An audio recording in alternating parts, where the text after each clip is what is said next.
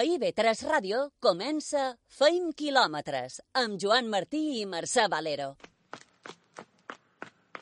M'he aixecat amb ganes de cercar la llibertat, de posar-me xandall i deixar d'estar aturat, agafar-se de velo i bugar al contravent, ser capaç de creure que pots el meu millor intent. Corre! I no és la distància el més important, sinó la capacitat de fer sempre un quilòmetre més.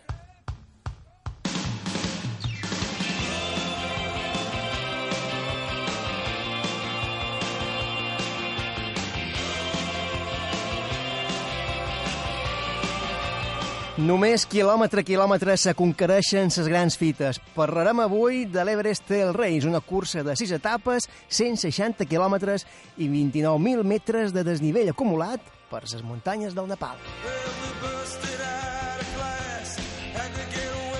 Una cursa ben especial és també la cursa Camí de Ferro, que recorre el traçat de les vies del tren entre Palma i Solla. Avui reviurem els millors moments de la mà dels seus protagonistes.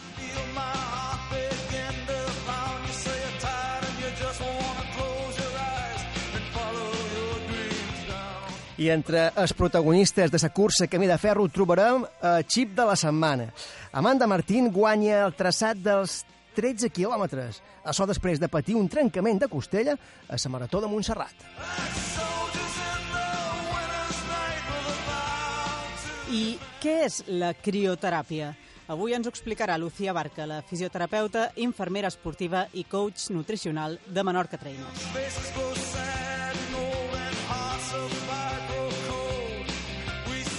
I ratllant de curses singulars, Carlos Sunyer ens descobrirà avui la Barclay Marathons, una carrera que en 33 anys només 15 persones han acabat. Parlarem del documental Barclay Marathons, la cursa que es menja la teva joventut.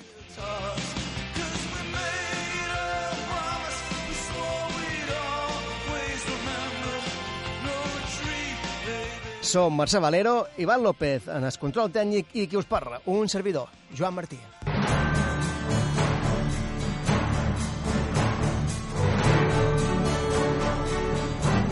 Damià Ramis i Rosa Riera guanyen la primera edició de la cursa Camí de Ferro. Cursa de 27 quilòmetres per les vies del tren de Solla. Ramis i Riera van ser els més ràpids en el traçat que anava des de Palma fins a Solla. molt guapa, molt divertida, el que no te dona temps d'aixecar el cap, perquè quan aixequis el cap de ses vies pegues en terra. Però bé, molt, molt divertida. Una vegada també que fas un túnel ja, bueno, els altres són per escut, no? però bueno, una, n'hi havia un de 3 quilòmetres i bueno, ha estat, ha estat bé, ha estat divertit. Uh, més fresqueta, però bueno, quan sortia super de calor. I així ho explicava la guanyadora. Ha anat bé, ha estat molt dur, molt més del que m'esperava, però és molt guapo. No pots disfrutar massa de les vistes perquè vas molt concentrat en les pedres, però que ho faci tothom que puga, perquè és molt guapo. I la mitja distància, els 13 quilòmetres i mig entre Bunyola i Solla, els van guanyar Adrián Pérez i Amanda Martín. Per cert, Tòfol Castanyer no va córrer, però, però hi era. Sí, el Solleric va ser dissabte un espectador més. Avui m'ha tocat, eh, sempre són els meus cunyats que m'han animar jo a les curses de per tot el món, i doncs mira, avui m'ha tocat jo animar i fer un pot d'assistència en els meus dos cunyats que corrien, eh, molta gent de Solla, i bueno, és una iniciativa nova, eh, cosa diferent, històric, aquest camí, i bueno, ja dic, una, una manera diferent de, de fer curses de muntanya, i, però ja dic, molt de- molt d'ambient.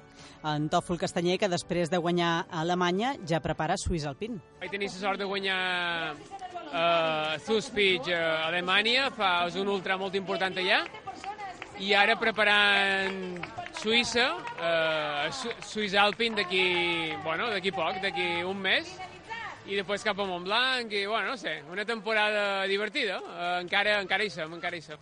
Encara hi és, encara hi és. I Ricard Marí també hi és, tercer a Ironman d'Àustria. Va ser tercer de la seva categoria, categoria, millor marca personal i 35è de la classificació general. A campionat victòria de dos clàssics, Toni Roldán i Marga Fullana. Parlant d'ells gairebé cada setmana. Aquesta vegada perquè han guanyat la novena edició de la cursa Sant Victorià. Toni Roldán, a més, amb rècord inclòs 26 minuts i i 14 segons per fer els 8 quilòmetres i 200 metres. A la colònia de Sant Pere, setena edició de la cursa Arran de Mar. Amb victòria de Guillem Duran i Ruth Lora en els 10 quilòmetres i Sebastià Gelabert i Stefi Flores en els 5 i mig. I ja ha començat la 19a edició, com passen els anys, de la Lliga de Curses Populars d'Estiu de Menorca.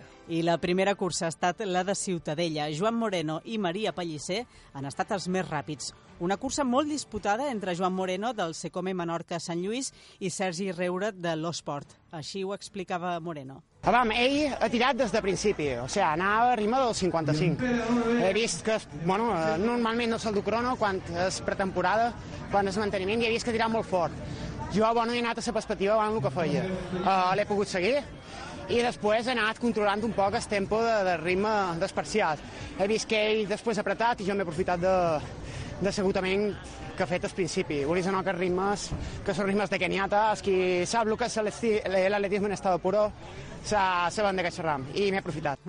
I així ho explicava l'atleta de Ferreries, Maria Pellicer, que defensa el títol.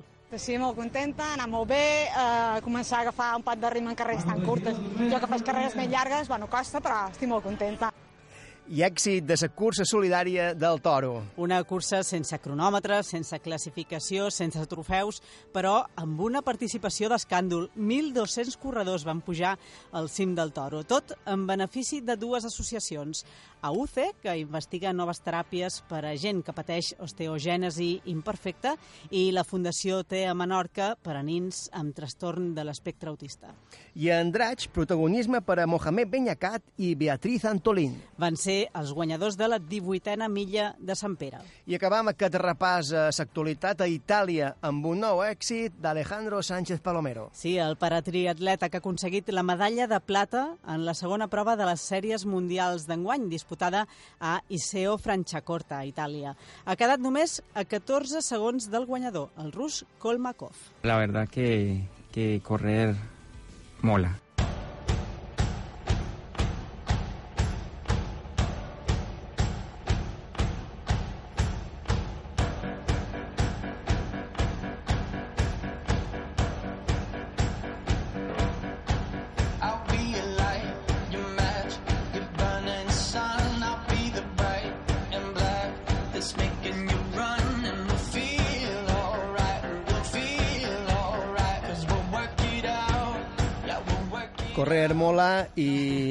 Fent quilòmetres també. I a més de trobar-nos aquí a Betra Ràdio, també som a les xarxes socials. Sí, sempre ho diem. Som a Facebook, a Twitter, a Instagram i a Spotify. I també tenim pàgina web, feinquilometres.com, que és on hi penjam totes les notícies i entrevistes que fem aquí en el programa. A Spotify tenim la llista FKM, Feint Quilòmetres, on hi penjam tota aquesta bona música que sona en el programa. Down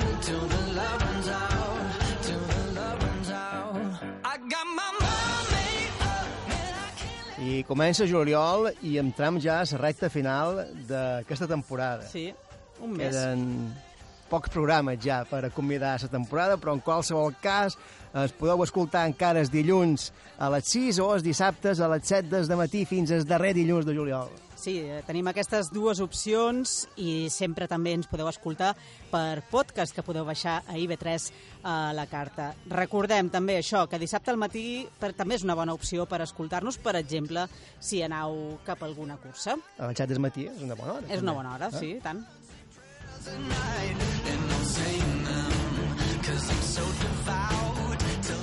Feint quilòmetres arriben al darrer tram, però durant tot l'estiu ens podeu escoltar amb redifusions i entrevistes molt interessants que han fet aquí uh, Feint quilòmetres. Mercè, tenim xip? Tenim xip. Visca Feint quilòmetres!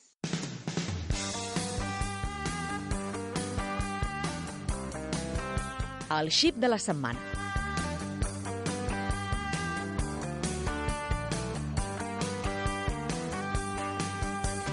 El xip de la setmana és el dorsal 796 i guanyadora de la primera edició de la cursa Camí de Ferro a la distància dels 13 quilòmetres i mig. Amanda Martí, enhorabona i benvinguda a Fent Quilòmetres. Hola, bon dia, moltes gràcies. Amanda, com va ser l'experiència aquesta? Una cursa de muntanya, o no, no ho sé, però bastant singular, no?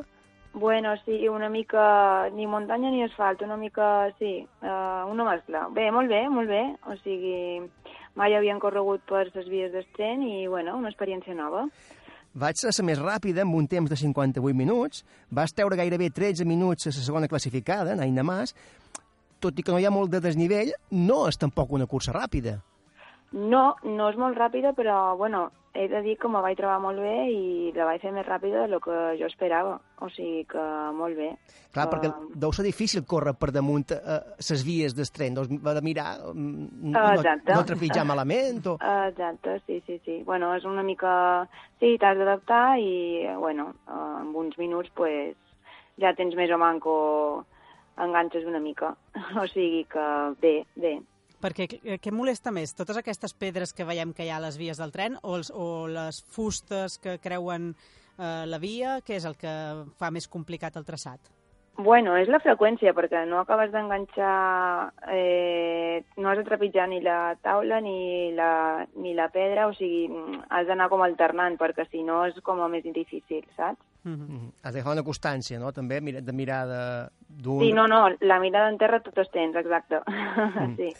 Tot això, Amanda, després d'un cinquè lloc a la Marató de Montserrat, que, que vas acabar amb un trencament de costella. Ah, exacte. Sí, sí, sí. Bueno, ara estic sortint de la lesió i m'estic recuperant bastant bé, la Bueno, sí, bastant bé ho veiem. Sí, sí, sí. Uh, com, com, com te va rompre una costella durant una marató? Pues bueno, vaig pegar un cop en terra un, una baixada i bueno, me vaig aixecar i vaig seguir perquè pensava que era escop, però bueno, no, molt malament perquè no podia gairebé respirar al quilòmetre 15 i al final ja, bueno, quan vaig arribar a meta me van dir no, no, vés a l'hospital que això té pinta de fractura i evidentment Clar, això va ser quilòmetre 15 fins al quilòmetre 42. O... encara quedava cursa, sí, ah, sí. mare de Déu. I, I més per muntanya, per Montserrat, per allà. O sigui, eh, tot el que has fet fins ara, això va ser el mes de maig, crec, tot el, Exacte. tot, el, tot, tot el que has fet fins ara és, és recuperació, pràcticament. Recuperació, pràcticament, sí. O sigui, duc tres setmanes d'entreno, però sí, sí, sí. mm, Recuperació a tope i exercicis per enfortir diafragma, hipopresius, etc. I gairebé fa tres setmanes que estic corrent. O sigui que no me puc queixar, la veritat. No, no, de moment ve- veiem que te recuperes bé. Uh, abans havies fet segona a la fita del RAM, dues una bona temporada, campiona per equips amb, el- amb el FIT Mallorca Trail, també, tercera a Ganza Trail Canyon de la Rio Lobos, crec, i, Sí, i exacte. mm, al marge d'aquesta lesió de costella durant la cursa de la Marató de Montserrat, com, com, com valores aquesta temporada? Bueno, he, ha estat una mica intermitent, però bueno, ara espero que no hagi de tornar a fer cap aturada i poder continuar fins al final de temporada. Ara volia anar per agost a Vistabella a fer una cursa de Copa d'Espanya i després aquí pues, fer alguna cursa i a lo millor potser anar a fora també a fer la de Pirineus, una mitja, i després Campionat d'Espanya per equips, per octubre també. Uns quants objectius, eh, d'ara endavant. Sí, ara, si tot va bé, pues, bueno, hi ha un parell de curses pendents. Mm. I entrenar a tope, sí, sí. Uh, campiona per equips a la fita del RAM amb Malift, no? Que Ah, ho, ho he dit malament, he dit Malfill. Amb Malift. No, no, Malift. de Mallorca, Trail. Mallorca Trail. Uh, enhorabona, Amanda Martín, per aquest primer lloc a camí de ferro de, de Solla. Quant, Moltes es- quant, quant està recuperant d'aquesta lesió i res, que tot vagi molt bé d'ara endavant i que puguis aconseguir les fites que t'has proposat. Moltes gràcies, un saludo. A tu una abraçada, gràcies Amanda. Adéu, adéu. adéu. adéu. Passam ara per la consulta de Lucía Barca.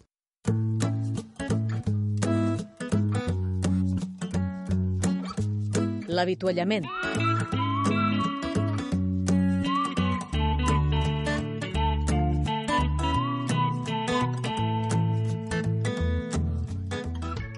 Obrim consulta, tenim ja Lucía Barca, fisioterapeuta, infermera esportiva i coach nutricional de Menorca Trainers. Lucía, demà se me fa riure, eh? A ver, a ver, ¿qué com, te hace? com No estàs? sé, no me sé. fa riure, me fa riure. Uh, bien, tot bé? Vosotros, vosotros veo que bien, ¿no? Sí, sí, sí. Uh, escolta, avançàvem la setmana passada que avui parlaríem de crioteràpia. Um, què, què és això de la crioteràpia? Pues la crioterapia es la utilización del frío de- en diferentes formatos como método terapéutico para prevención o tratamiento de las, de las lesiones que podamos tener. Sí, sessions de recuperació a temperatures fredes. Eso es, a través del frío, de los diferentes métodos de aplicación. La aplicación del frío es muy curioso lo que produce, son efectos fisiológicos sobre el organismo que facilitan el proceso de recuperación tras una lesión. Por ejemplo, disminución del metabolismo tisular, disminución del edema, que es la inflamación, disminución del espasmo muscular, del dolor, vasoconstricción. Tiene usos muy importantes y cada vez se está tratando más con ellos. I de quina manera la podem aplicar? Perquè dius que hi ha diferents maneres, ¿no?, de aplicarla. Uh -huh. Sí, tenemos muchas maneras. Mira, os, os, cuento unas cuantas. Siempre debemos tener en cuenta y ser prudentes de que el frío también quema, no solo uh -huh. el calor.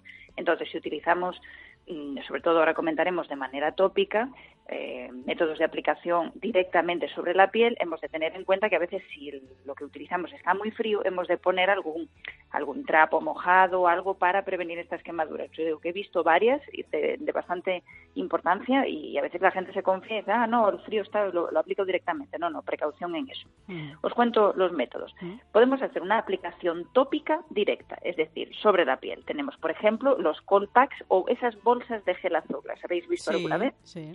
Estas las podemos eh, poner o bien en el congelador, siempre que tengan una, una fundita, o las podemos poner en la nevera a unos 3-4 grados y podemos aplicar directamente ese frío sobre, sobre la piel.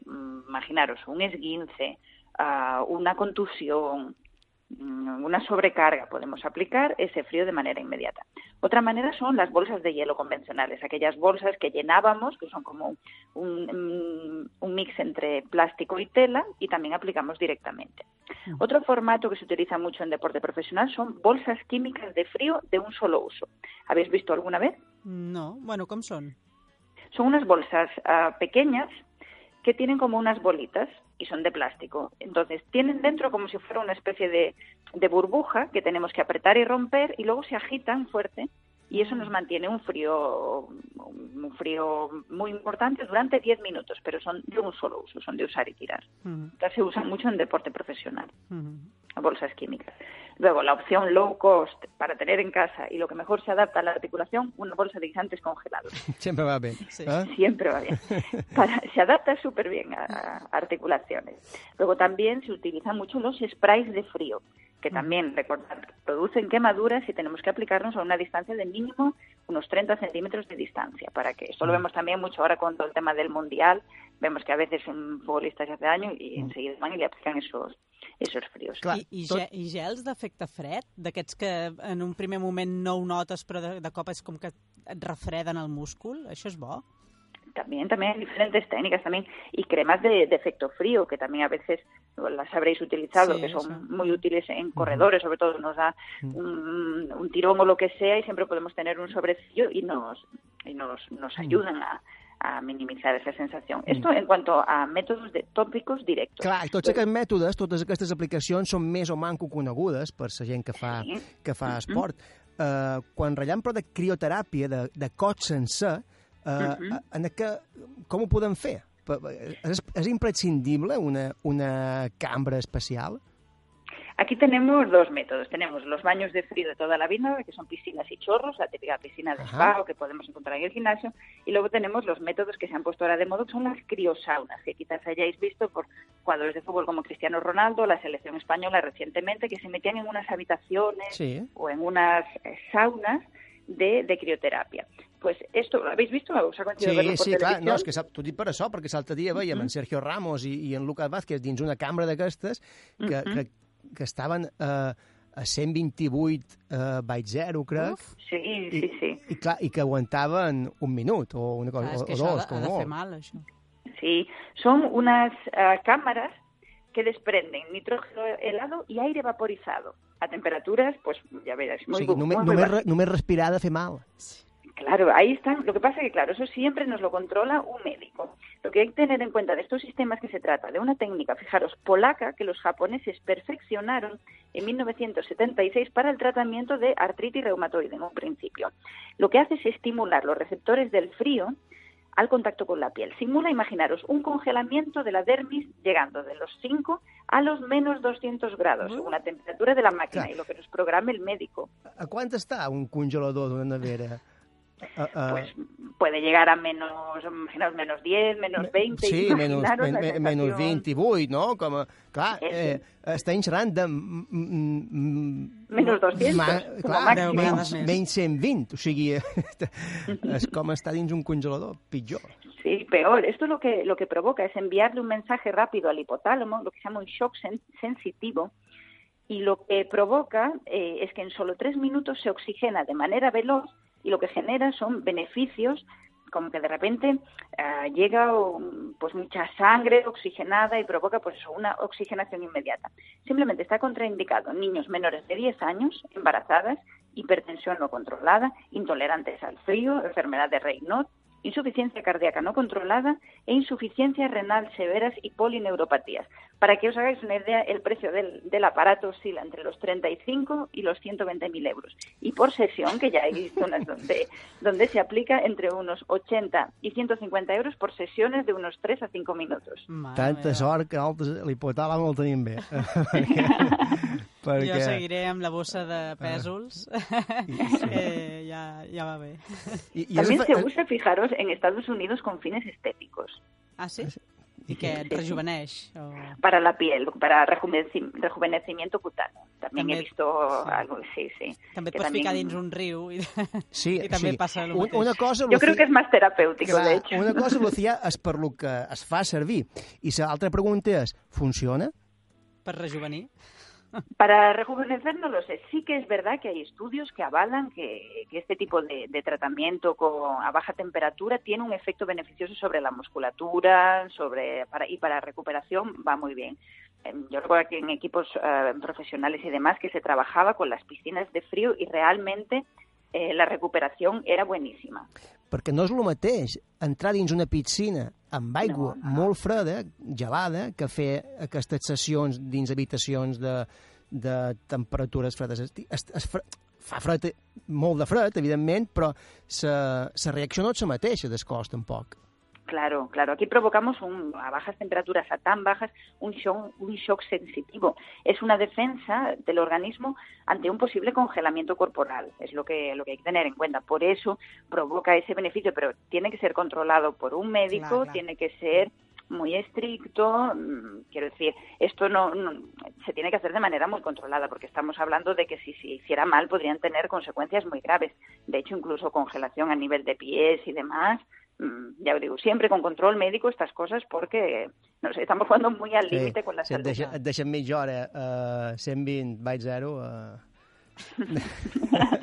No auguramos buen final. No. mos, curam, mos curam del tot. Uh, molt bé, i la setmana que ve de què, de què ratllam? ¿Qué os parece si hablamos de cómo elegir correctamente la ropa deportiva? Ah, mira. Bueno, què hem de tenir en compte, no? Quines... Eso, ¿eh? Uh -huh. Molt bé, i de la setmana que ve com hem de triar la roba esportiva? Sense que sigui de marca podem anar ben, ben preparats, segurament. Eso es. eso. Uh, molt bé, moltes gràcies, Lucía Barca, fisioterapeuta, infermera esportiva i coach nutricional de Menorca Trainers. La setmana que ve mos tornem a escoltar. Claro que sí. Un abrazo grande para una todos. abraçada. Adiós. Vagi bé. I ara fem una aturada i tornant tot d'una. Zona d'avituallament. Tot d'una continua, feim quilòmetres. L'entrevista.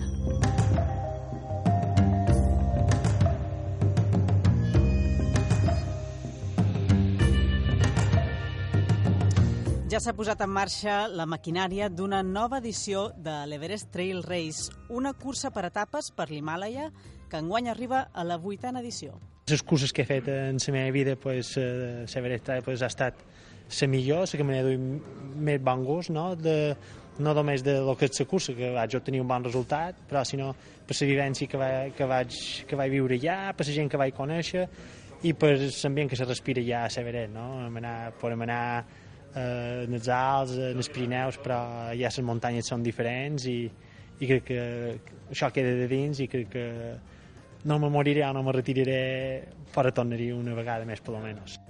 Això és el que va dir Miquel Capó dijous passat a la presentació de la cursa a Palma. L'Everest Trail Race són sis dies de prova amb un total de 160 quilòmetres i un desnivell acumulat de més de 29.000 metres. És una cursa, però també diuen tot una aventura.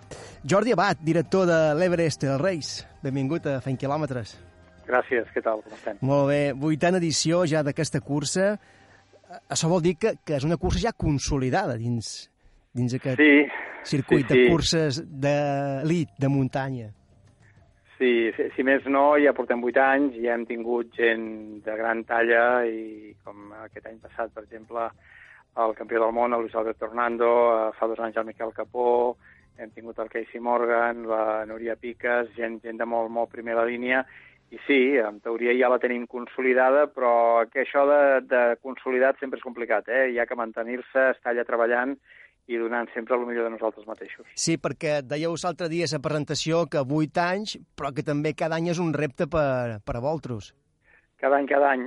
De fet, és una cursa que nosaltres odiem molt i els corredors, eh, quan acaba, doncs, també solen molt dir això, que és un repte per tots, per corredors i organització. Penseu que la zona només ens hi podem moure amb helicòpter o a peu. Per tant, si la meteorologia no ens ajuda, moure l'organització i les tonelades de material que movem cada dia a peu és molt, molt complicat. Per això és un repte realment per tots. Eh, Jordi, i com va sorgir la idea de fer, la idea de fer aquesta cursa per, per allà, per l'Himàlaia? Sí, és, és una mica la gran pregunta, eh? És a dir, eh, nosaltres des de fa molts, molts anys, eh, de fet professionalment ens dediquem al tema de muntanyes, trekkings, expedicions, temes d'aquest tipus, i a més a més doncs, també corríem. Un bon dia, a mi, que seria una mica el, el, el que està més boig d'aquesta santa casa nostra, Mm -hmm. se'm va ocórrer que havíem de fer una cursa de muntanya perquè era una mica anys enrere un producte doncs, que tots anàvem, anàvem fent, no? Aleshores vam dir, fem una cursa de muntanya fem-la diferent, i vam dir, doncs, no, ja que és de muntanya, fem-la a la muntanya de les muntanyes, no? les muntanyes més altes del món. Ens va estranyar d'entrada que ningú havia organitzat una carrera a l'Himàlaia d'aquestes característiques per etapes amb aquest format, i ens va estranyar, ens va estranyar dir com és que uns catalanets, doncs ara resulta que volem muntar una cursa i ni els nord-americans, ni els francesos, ni anglesos, ni ningú l'ha muntada. Bé, quan la vam muntar vam entendre per què. I ara cada vegada ho entenem més. És molt, molt complex des d'un punt de vista logístic. Però va ser un repte que ens vam plantejar amb una empresa i amb un equip de gent doncs, que ens, ens agraden els reptes i endavant. I així va ser. Clar, a nivell organitzatiu, que, és el més difícil? Imagino que tota la paperassa, no?, a nivell, a nivell burocràtic sempre. Sí, bueno, la paperassa es fa un cop cada cinc anys eh, i sí que hi ha, hi ha molta paperassa que es fa cada any, eh? És a dir, per exemple, els corredors, l'altre dia ho comentàvem just a Palma a la presentació amb en Miquel, i és de que eh, quan tu vas per la zona de l'Himàlaia i especialment per la zona de l'Everest, tu has d'anar parant a controls militars. Eh, cada hora i mitja, hora i tres quarts, eh, has de parar amb algun control militar, dir qui ets i cap on vas. El principal repte que vam tenir va ser que una cursa naturalment no podíem fer això, no? És a dir, els corredors surten del punt A i van al punt B i han de poder córrer sense parar. Aquest ja va ser un dels reptes, perquè en aquests països del tercer món de vegades els hi costa entendre això. Això és la més paperassa que hem de fer, que no penseu que és fàcil, perquè ens obliga cada any, un mes abans, passar per cada control militar, demostrar als corredors que passaran, qui seran, deixar els seus passaports, deixar-ho tot, però per la resta us haig de dir que el Ministeri de Turisme en aquest sentit ens ajuda molt. Mm. Ja fa vuit anys que s'organitza aquest Everest els Reis i hem tingut representants que han acabat amb èxit, com per exemple fa dos anys eh, Miquel Capó, que va fer segon. El Miquel Capó, exactament. Uh, sí, sí, l'any passat vam tenir el Luis Alberto Hernando, campió del món, hem tingut la Núria Piques, campiona del món, l'Elisabeth Barnes, anglesa, doncs, que ha guanyat en dues ocasions Marató de Sables. Sí, cada any tenim molta gent de primera línia. Uh, tot i així no ens en sortim amb que guanyin mai, és a dir, sempre guanyen els nepalesos, eh? és com una cosa que tenim una espina clavada tots plegats. Escoltem en Miquel Capó, que va fer segon. Guany, eh, guany no, no, perquè no estic molt bé de, de, de forma, tenc estil lesionat, però l'any que ve ja he, he parlat amb, amb en Jordi i l'any que ve sí que, que tornaré segurament. Si, I si pogués en guany, pues ja, ja aniria en guany, no?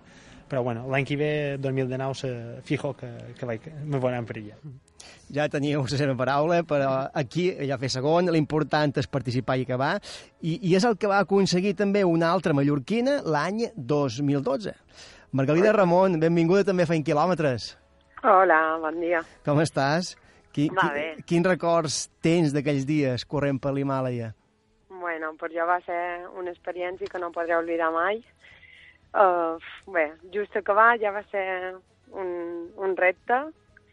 Van ser sis dies molt, molt guapos i també molt durs, però bueno, per jo van ser inolvidables. Vaig aprendre molt i quasi dic que estic millor ara que antes, o sigui, corria men- manco antes que ara i també sé que qualque dia hi tornaré. Què recomanaries a algú que s'hi vulgui apuntar?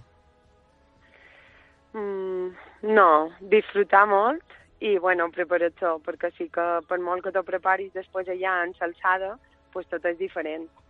I, no sé, l'experiència va ser molt guapa, perquè van formar com una família, perquè, clar, estàs allà corrent sis dies i no només són sis dies, són sis nits i fas un, un equip molt guapo.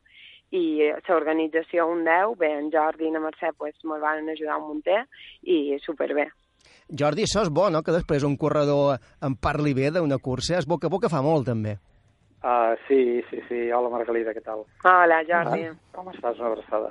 Uh, sí, sí, sí, naturalment. A més a més, nosaltres sempre diem una cosa, ara que no ens sent ningú, i és de que preferim moltes margalides que molts Luis Alberto Hernández. Eh? És a dir, nosaltres ens és tan important, i és una cosa que, que suposo que la Margalida us podrà verificar i espero que sigui així, no? Ens preocupa molt des del primer corredor fins a l'últim corredor. A nosaltres ens és igual que sigui un campió del món, una campiona del món, que sigui un corredor del top 10 mundial, ens és igual, ens preocupen exactament igual, i fins i tot us diria que els darrers ens preocupen molt més que els primers, no? Intentem donar el millor de nosaltres mateixos, quan, Clar, amb tots els corredors. Perquè si un dia ven Kilian Jornet i guanya la cursa, la cursa guanya a nivell mediàtic, segurament, però Correcte. perd, potser per una altra banda si no es cuiden aquests petits detalls, no? I l'any que ve no hi haurà en Kilian i, i continuarà havent aquests 40 corredors que venen a córrer i, i a intentar acabar. Correcte, correcte. Per això dic de que realment volem moltes margalides, eh? Mhm. és, és, és el que volem. I a més a més tenim un problema afegit, que l'altre dia també ho comentava, i que cada vegada que estic en un mitjà aprofito. És a dir, estem només amb un 35% de corredors espanyols i amb un 20% de dones. Per tant, l'objectiu que té la carrera en aquests moments és créixer molt amb espanyols, és a dir, no no mantenint-se només amb aquest 30 i naturalment créixer amb dones. No? De Miquel Capó, ara que l'any que ve hi tornarà, Margalida, tu, eh, tu planteges tornar-hi eh, en, un Ja, fut, en un sí. futur, ara no, perquè saben que has estat mamà, però Sí. eh, en un futur tu planteges... començant. Sí, m'ho planteig. I jo, el que diu en Jordi, o sigui, jo m'ho vaig sentir supercuidada. Jo no era de primera línia, era de darrera línia. Ben que dir, arribava, pues, quasi, quasi en temps que just i sempre mos esperàvem bé, m'ho vaig sentir super, super cuidada perquè jo hi vaig anar tota sola i mai, mai me vaig sentir tota sola. I sí que espero poder-hi tornar perquè ara en la meva parella pues, m'encantaria perquè és una experiència pues, inolvidable i m'agradaria poder-ho compartir amb ell i creuar la línia amb ell. O sigui, la primera vegada hi vas anar tota sola Sí, i ara sí, sí. hauries- l'experiència seria una altra, no? Córrer Sí. en companyia de la parella, que sempre està molt bé. M'agradaria. I a nivell familiars fan... Bueno, és que també està superbé per anar-hi amb la família. Ara el meu peque encara no, perquè és molt petit. No, encara no, encara no familiar facis córrer per muntanya. No, perquè hi ha un, un programa paral·lel per als acompanyants, no? Sí. Jordi, sí, diguis. Sí, sí, correcte. No, anava a dir que si em permetia un petit incís, uh, l'altre dia justament parlant amb en Miquel, que també aprofito per, perquè ho sàpiga la Margalida, nosaltres durant vuit anys hem fet el mateix traçat de carrera. Eh? És a dir, Mhm. l'any que ve aquest traçat es canvia. Aquest traçat Sí. sí. l'any que ve guanya amb alçada, amb distància, eh, amb desnivell i amb duresa.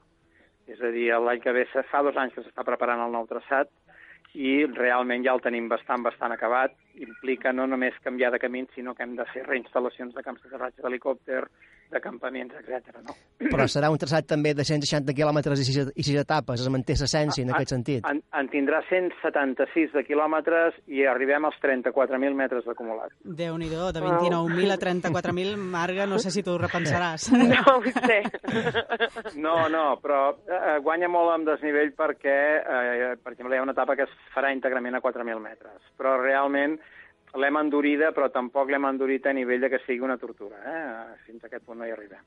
Molt bé, Mar- Margalida Ramon, moltes gràcies per haver estat avui a fent quilòmetres i va voler, voler compartir aquesta experiència de l'Everest Trail Race amb nosaltres. Moltes gràcies i a veure si Moltes l'any si l'any que ve t'hi veiem.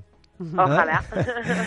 Adéu, gràcies. Adéu, gràcies. Uh, Jordi, fi- fins quan s'hi poden apuntar els interessats? Encara hi ha uh, encara, termini encara hi ha obert? places. Sí, sí, encara hi ha places obertes. Queden uns 10 dorsals en aquests moments, que són els 10 últims, que són els que sempre costen més d'omplir.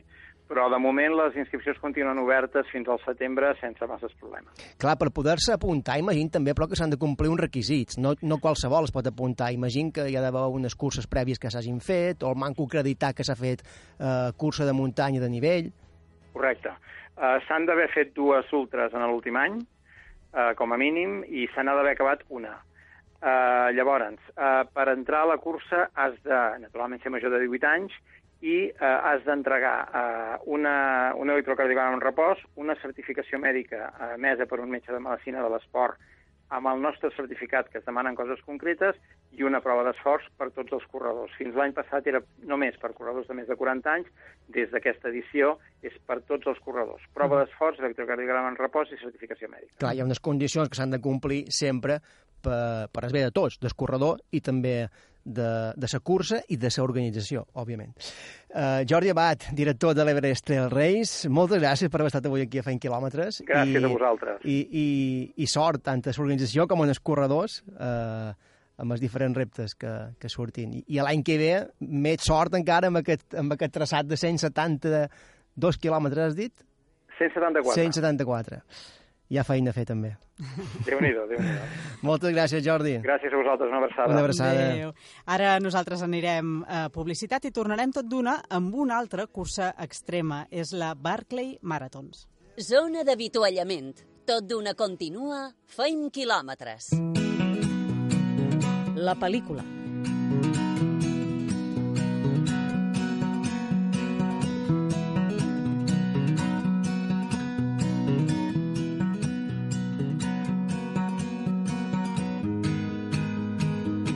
Parlam avui d'una cursa de pel·lícula. Parlam de la Barclay Marathons, una carrera que ja té el seu propi documental. First rule of Barclay is don't talk about it. If you talk about it, then you're not going to be part of it.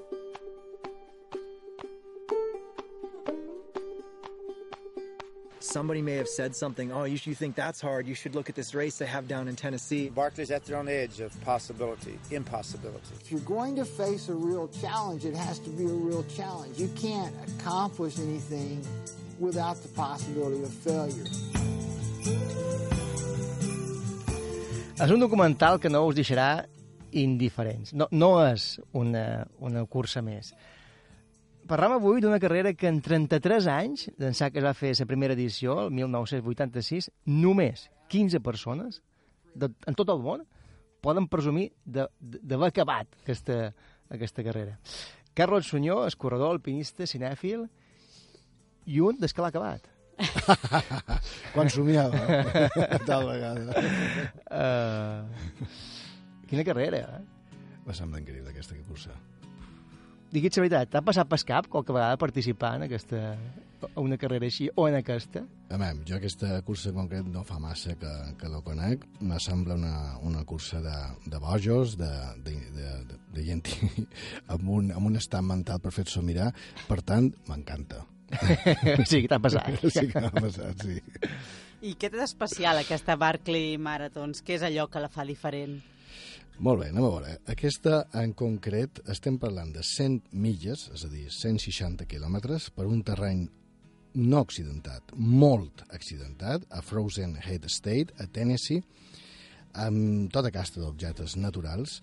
Es disputa de l'any 86, són 5 voltes a un circuit terrible, terrible, de 20 milles cada una, és a dir, 32 quilòmetres. Ho van de fer en 12 hores com a límit, amb un desnivell total de 18.300 metres. Eh, poden completar tres voltes que diuen el fan run. Que això... En, tot, en, 12, en 12 hores, una volta. Una volta, Ah. una volta, clar, cada volta en do- 12 hores. 40 participants, com a màxim. Perdona un moment, me, me, fan run? És a dir, Fan run, corre sí, per diversió, sí, jo, no? Es, És- es diverteix el, el creador, bàsicament. Ah, I, els amb que, el i, nom. i, els que, I els que el veuen patint aquesta gent. Uh, perquè uh, es, jo crec que l'humor negre és, és bàsic per entendre tota la idiosincràsia d'aquesta cursa. Eh, també és especial el seu origen, eh, eh, hem vist. Tota cursa té una primera edició. Com, com sorgeix la Barclay Marathon? Eh, eh, això és molt interessant. Eh, anem a veure. En, en, ens hem d'ubicar a la presó de, de Brasky Mountain, eh, una presó que va tancar l'any 2009. Aquesta presó tenia criminals molt perillosos i està ubicada a un entorn de cadenes muntanyoses que feia recordo Miquel Alcatraz, també és idea, fa en teoria impossible sobreviure en el cas de fugir. Uh, allà estava empresonat en James Earl Ray, que és assassí de Martin Luther King. Fixeu-vos que interessant a nivell històric. Ell va planejar una fugida amb cinc més a l'any 77. Van escalar s'express amb una, amb una escala improvisada, per cert, un d'ells va morir d'un tret eh, mentre fugien, i després els van cercar. No, no el van trobar fins que van passar 60 hores. El van trobar a 12 quilòmetres de la presó, no massa en fora, eh, eh, congelat de fred, esgotat, havia viscut clarament un calvari. Clar, aquest calvari ja fa fer pensar en el creador d'aquesta cursa, que és en Gary Cantrell, el Lazarus Lake, que li diuen, eh, com dimoni no, no va arribar més en fora? Com és que és tan difícil eh, manejar-se i moure's en aquest, en aquest entorn? I això li va dur, eh, junt amb en, amb en, en Carl Hen, eh, imaginar una ultramarató. Barkley ve, per cert, per, en Barry Barkley, que és un amic seu que va estar ferit a, a Vietnam. Quin és l'objectiu d'aquesta ultramarató? Que ningú l'acabi. és a dir, anem a, anem a veure com ningú ho aconsegueix en això. I uh, d'això trata. Has dit que eren 40 participants, no? Màxim 40 participants, sí. I a partir d'aquí, amb, aquesta, amb aquests orígens, això no pot ser una cursa normal. Qui pot participar? Això és molt complicat. De fet, ja el fet de registrar-se ja és molt difícil. Pensem que no, no hi ha una web és intencionadament fosc i difícil de trobar eh, la manera d'enregistrar-se. I els que més hi participen en això són els veterans. Els veterans fins i tot eh, eh, llancen a internet informacions falses, és a dir, webs falses per enregistrar-se on no toca que se registrin. Eh, L'inscripció, a més, l'obri en, en, en Cantrell a, un, a unes hores. Uh, per cert, el preu és un centau per mitja, és a dir, uh, depèn de la distància que facis... És, Pagues és, més. És, és, és, el, és el que has de pagar. Um, I a damunt, els que són nous han d'escriure un assaig, un, un escrit, eh, titulat Per què jo hauria de ser admès en aquest tipus de proves? Fixeu-vos. Uh, els nous han de presentar una matrícula d'un cotxe de l'estat on, on, on pertanyen i els veterans han de donar una prenda ridícula. I, a més, un paquet de camel per, per el bueno de Campbell perquè ha de poder fumar tranquil·lament tot aquest temps. I, a més a més, ha d'haver un que és uh, per sacrifici Eh, I és així, és com un vedell, és un individu que no està gens en forma i que està allà per pura diversió. És a dir, tracta de veure mem fins a on arriba aquest tio. I n'hi ha molts que ho intenten, que tenen aquesta voluntat, gent que no està gens en forma, d'enregistrar-se. De, Uh, a més a més, reben una, una, una carta de condolències quan els accepten. Eh? I a les dones, a les dones sempre reben, a part de la carta de condolència, una advertència on li deixen molt clar que és impossible que ho acabin. De fet, la que té rècord és la Sue Johnson, l'any 2001, que va aconseguir les tres voltes, es fan ran, no? I és una heroïna. És a dir, tot aquest cristó t'has de menjar per si te vols apuntar. Sí, quan t'accepten a la cursa reps una carta de condolència per dir malauradament per tu t'han acceptat aquí on tu vols participar. Efectivament, prepara't, guapo. Els dos organitzadors ja són dos personatges, mm. són, són dues figures. I tant, eh? mereixen un documental, ells dos. I un, un, un dels dos de jove feia maratons Ara ningú ho diria. Ningú ho diria, ara. Demana Camel, eh, perquè, perquè és de Camel, en els que participen. I, i especial, és especial també la manera de donar el surt de sortida. És meravellós. No només la sortida. Mem, aquest dia t'ha d'acampar en el, en el parc, en el Frozen Head, que de nit es fa, que fa bastant de fred, i només en Cantrell sap s'hora de, de sortida. Els, els, participants no ho saben. 24 hores abans, això sí, perquè té un pot de benevolència, es fa sonar una alarma molt, molt curteta, si te l'has perdut de mala sort, i la sortida és ell, un moment determinat, s'encén un cigarret. I amb aquesta flamareta d'aquest llumet de cigarret, això és el just de... En Gary Cantrell. en Gary Cantrell, sí. Per tant, l'has de mirar tot el temps, vagi on va. Amb el que vagi pixar d'anar darrere no fas cosa. I a més a més, la ruta no la saps, no la saps fins poc abans de participar. I te donen un mapa, i aquest mapa no el te pot quedar. És a dir, tens un temps per copiar-ho, com, Ai, ai. com puguis. I, I què és, que la canvien cada any? Cada o... any, clar, no, si no és massa fàcil, considera que és massa fàcil. I te donen una bruixuda, això sí, això sí, no fos Ah. cosa que... És a dir, mentre esperes que, que te cerquin, el banco intentis orientar-te. I també és curiós quan algú es retira, no? Sí, ah, ah perdó. Sí, ara ho sentirem.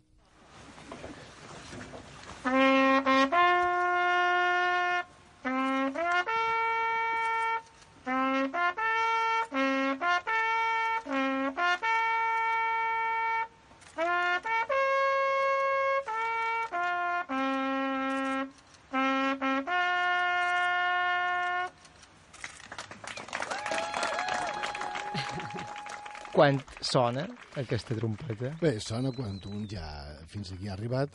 Eh, És equivalent a unes salves, no? És, una, és un petit homenatge a la pobra criatura que ha fet tot el que ha pogut i a tenir un, un minut de silenci. És per- estoc de silenci, eh? És, és estoc de silenci. Això, una altra vegada, i tornem amb el que he dit abans de l'humor negre, que està molt ben. Recorda, ara hi pensava, en certa manera, eh, tal vegada en, en, en paròdia, a la novel·la que van tractar aquí de la llarga marxa de, de, de Stephen King, no? Sí. També? Ah, jo també. Mm. De fet, no crec que sigui De casual. fet, allà els corredors no poden aturar i, eh, i, i es qui atura o, o baixa el ritme el polen, li, tira, li, li peguen un tir. Efectivament. Aquí només hi ha, un, hi ha un toc de silenci, no? Però aquest toc de silenci jo crec que els- participants sent de qualque manera simbòlica. Creus que està fet a posta? Que ha Jo, jo crec que hi ha un vincle. Jo crec que, hi ha un vincle. a més, Stephen King amb, amb això està molt relat en, en la cultura surenya i probablement també, no? I, i, i recorda altres, altres produccions, eh, per exemple, de cinema Bailar, Bailar Malditos, que també, i més de l'any 69, on havien de ballar fins a acabar esgotats i, i és igual com acabassin hi ha altres referents que hi podrien trobar, però aquest humor negre, aquest, eh, aquest sarcasme fa que el sadisme, perquè hi ha un sadisme molt, molt, molt obvi, i el masoquisme, que també hi és, se mesclen i aquest, aquesta comissió de dolor i plaer eh, se superposen i fa que tot sigui divertit. I també criden l'atenció els controls de pas, no? D'una manera o una altra també tenen a veure amb la literatura. I tant, i tant.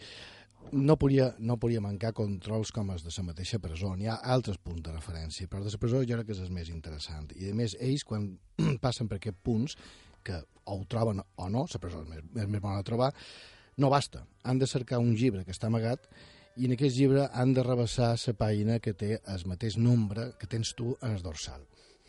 és a dir, eh, està ben pensat, eh? és a dir, eh, jo, jo, Per fomentar la lectura. I te, i te l'has i te l'has de memoritzar en aquesta pàgina? I, i, jo, jo crec que és la pròxima passa que, que, que faran aquests. Has d'arribar i has de recitar el paràgraf que, o el fragment que... Per demostrar que, que, que ho has vist, sí. Enguany, aquest 2018, ja s'ha disputat, eh, aquesta carrera. Mm, no deman si hi ha guanyador i guanyador, però eh, hi ha finisher, l'ha acabat qualcú enguany. A veure, eh, en Campbell, en Jerry Campbell, que per cert és una bèstia, perquè ja en el 2012 i 2014 eh, havia, ja havia fet el fan run i després havia aconseguit acabar-la. Els d'espots que, que, han, que han aconseguit eh, d'aquest 15 eh, eh, arribant al final.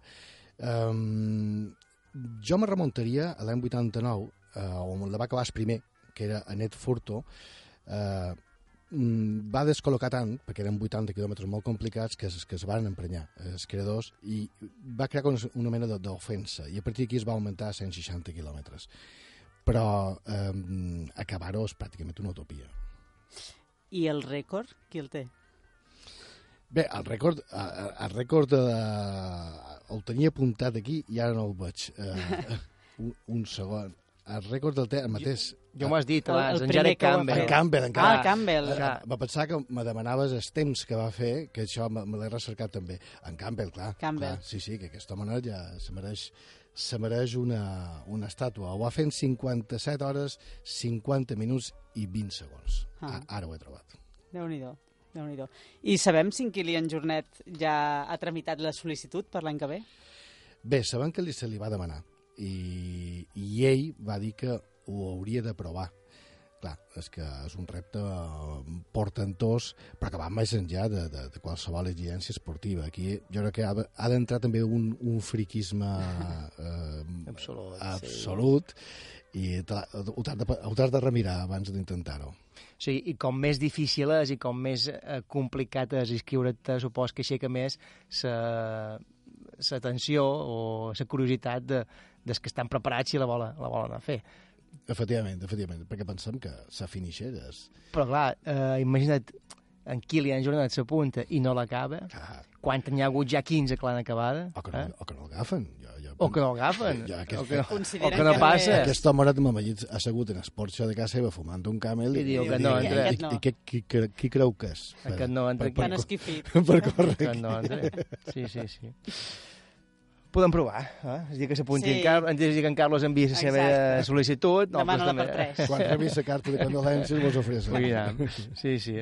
Molt bé, moltes gràcies. Barclay Marathons és el nom d'aquesta cursa i Barclay Marathons, la cursa que... No, diu Barclay Marathons, la cursa que es menja la teva joventut. Això, això és fantàstic, eh? El Exacte. títol, no? El Això títol és títol del- documental, sí, sí, sí. Barclay Marathons, la cursa que es menja la teva joventut. Aquest és el títol del documental. Passes a saber després de Sí, total. Dirigit per Annika Ritz i Timothy Kane. Molt recomanable. Molt eh? recomanable. Molt bé. Molt ben fet. Gràcies, Carlos. T'esperam la setmana que ve. A vosaltres, Joan Amb una altra proposta. Adéu. Adéu. I fins aquí el programa d'avui. Està bé fer aquestes barbaritats, aquestes animalades per, per muntanya, però per aquells i per aquelles que, que estiguin preparats i els agradi l'aventura extrema. I, I tot i així, de vegades tampoc no cal arribar a aquests extrems. No, no. A vegades és que n'hi ha prou en sortir, en sortir a córrer. I tant. Adeu i fins la setmana que ve. sol, així sol no em sento sol. Una forma ben senzilla de repassar tot un dia i corrent et sents millor i respires molt més fort i pensant en els problemes te n'oblides de les penes. Així sol no em sento sol, si vull agafo drecera i si vull faig marxa enrere una forma ben barata de passar pel psiquiatre corrent quan es posa el sol.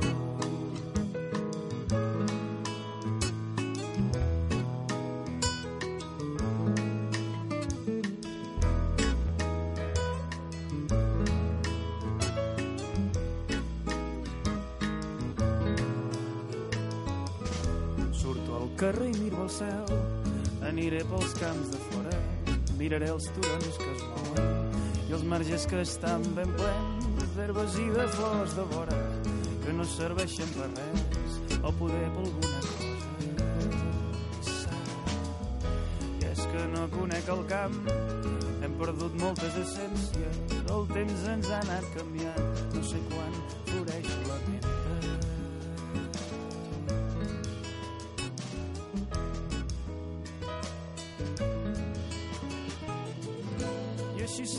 Em sento sol. Si vull agafo una cera i si vull faig marxa enrere. És la forma més barata de passar pel psiquiatre corrent quan es pon el sol.